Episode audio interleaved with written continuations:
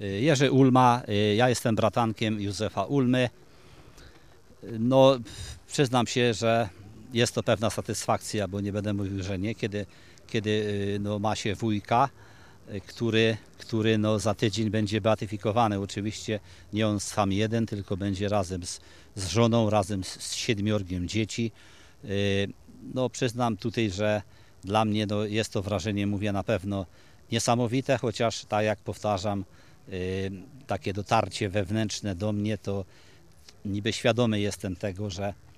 że po prostu y, ta beatyfikacja już się zbliża, ale, ale no, tu mogę powiedzieć tylko tyle, że ta taka pełna świadomość chyba i takie dotarcie wewnętrzne to nastąpi właśnie 10 września, czyli za tych kilka dni. Y, Przede wszystkim no, ja osobiście to nigdy się nie spodziewałem, że, że do takiego czegoś dojdzie. Między innymi, y, gdybyśmy się cofnęli w czasie, mamy, mamy praktycznie 20 lat do tyłu, kiedy proces beatyfikacyjny się zaczyna, no nikt się nie spodziewał, że kiedyś do, takiej, do takiego czegoś dojdzie. Jest pan bratankiem, teraz jak pan zauważył jest beatyfikacja, natomiast jak przez te całe lata e, była pielęgnowana w pana rodzinie ym, no, no pamięć po, po tej tragedii? No tutaj właśnie to jest chyba takie y, pytanie, które, z którym, że tak powiem, no ja się osobiście dobrze czuję.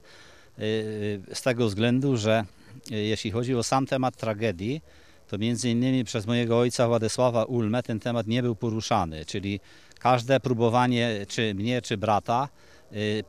po prostu podchwytliwe pytania do taty, czy do wujka Antoniego, czy do ciotki Marii, nigdy żeśmy nie, nie mogli cokolwiek wyciągnąć, że tak powiem, z nich, bo oni nigdy nie chcieli na ten temat rozmawiać. Była taka jakoś wewnętrzną blokadę mieli, z którą chyba odeszli stąd, z tego świata. To była taka trauma? Trauma niesamowita, ponieważ między innymi na jednym z monitorów, kiedy dziennikarz pyta się, się ojca, to on mówił, że on po prostu to, mówił, że to, jest, to była tragedia niesamowita, że człowiek chodził, ja cytuję w tej chwili ojca, że człowiek chodził jak zamulony. Mówię, że jest to nagrane y, praktycznie 20 lat temu. Y, w każdym razie, y, czyli można powiedzieć, że tego tematu, y, tej tragedii, y, nigdy on nie był poruszany. Natomiast jeśli chodzi tutaj o pewne wartości, a te wartości, czyli y, człowieka z wieloma pasjami, bo powiem tylko tyle, że Józef Ulma, ci, którzy nie wiedzą, to niesamowita charyzma, niesamowity charakter, człowiek, który chłonął wiedzę, który, który po prostu tych pasji miał naprawdę na ten temat, to by można było bardzo dużo mówić, ale tu się ograniczę y, tak tylko w skrócie. I przede wszystkim y, jest coś niesamowitego, może, może akurat to jest może jakieś takie, mówię, zrządzenie losu, może opatrzność taka, że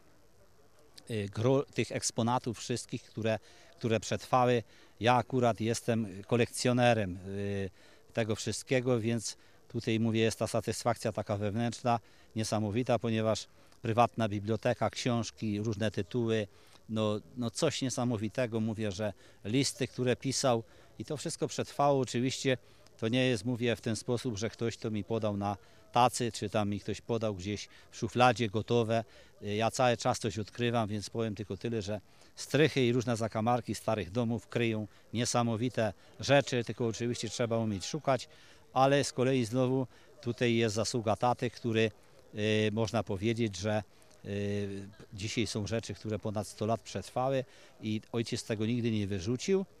No i mnie się to udaje, mówię czasem w Stanach różnych, oczywiście zdaję sobie sprawę, że, że są to rzeczy, które niektóre to nie wyglądają na nowe, bo to jest, o nowych to trzeba zapomnieć, y, ale jeśli te książki mają niektóre po 100 lat albo, albo i lepiej, zapiski różne i tak dalej, no kiedy się tam odkrywa różne y, po prostu jego takie listy pisane, czy, czy, czy mówię y, nawet i prace, które były pisane w Piliśnie, to to jest coś niesamowitego, także no tutaj jeśli chodzi o, o po prostu przetrwanie, czyli przetrwanie tych dokumentów, przetrwanie y, jako człowieka z niesamowitymi zdolnościami, bo trzeba to dzisiaj sobie powiedzieć jedną rzecz, że odchodzi z tego świata w wieku 44 lat i pytanie można sobie zadać, kim by był, gdyby był nie zamordowany i żył dalej. Mówię, że na pewno y, osiągnąłby coś niesamowitego przy jego po prostu charakterze, przy jego tej chłonności wiedzy, bo y, nie tylko tę wiedzę czerpał z tych wszystkich książek, z tej literatury, ale jeszcze dodatkowo te książki pożyczał ludziom. Dla Pana osobiście, co, z czym wiąże się pamięć właśnie po, po wujku i e, co oznacza ta tragedia? No przyznam tylko tyle, że no, ponieśli, ponieśli najwyższą cenę, bo ponieśli cenę życia i kiedy, kiedy patrzy się na zdjęcia dzieci, czyli można powiedzieć, że kuzynów moich, to, to ja często patrzę na te zdjęcia, ponieważ mam, no, akurat pracuję w takiej branży, gdzie, gdzie te zdjęcia są, to, to mówię, że nieraz sobie pytanie takie zadaję, mówię, że no, jak można było jak można było takie dzieci po prostu wymordować. Mówię, że y, często czasem cytuję też słowa taty, który mówił w ten sposób, że trzeba było być diabłem z piekła rodem, żeby takie dzieci pozabijać. Y, po prostu no, trudno mi czasem sobie y, no, samemu poradzić z tym, y, no, jak można było wymordować dwójkę rodziców, szóstkę dzieci plus siódme nienarodzone i ośmioro Żydów. To nieraz mówię, nie, nie potrafię po prostu sam sobie na to pytanie y, odpowiedzieć. Y, no przede wszystkim y, nikt chyba się nie spodziewał, że po prostu po tylu latach, po tylu latach tragedii, która się wydarzyła, no dzisiaj będziemy mieć po prostu tutaj tą rodzinę będziemy mieć beatyfikowaną. No właśnie, w najbliższych dniach dojdzie także do spotkania w ramach e, programu e, Zawołani po imieniu. Dlaczego według Pana e, to, są, to jest ważna inicjatywa? Na pewno jest ważna inicjatywa. Przede wszystkim no, ta pamięć zaczyna być coraz bardziej, że tak powiem, rozszerzona, ponieważ gdyby my się, mówię, cofnęli w czasie, to jeszcze wtedy o Ulmach niewiele ktoś, ktoś że tak powiem, wiedział. Y, W tej chwili no, y,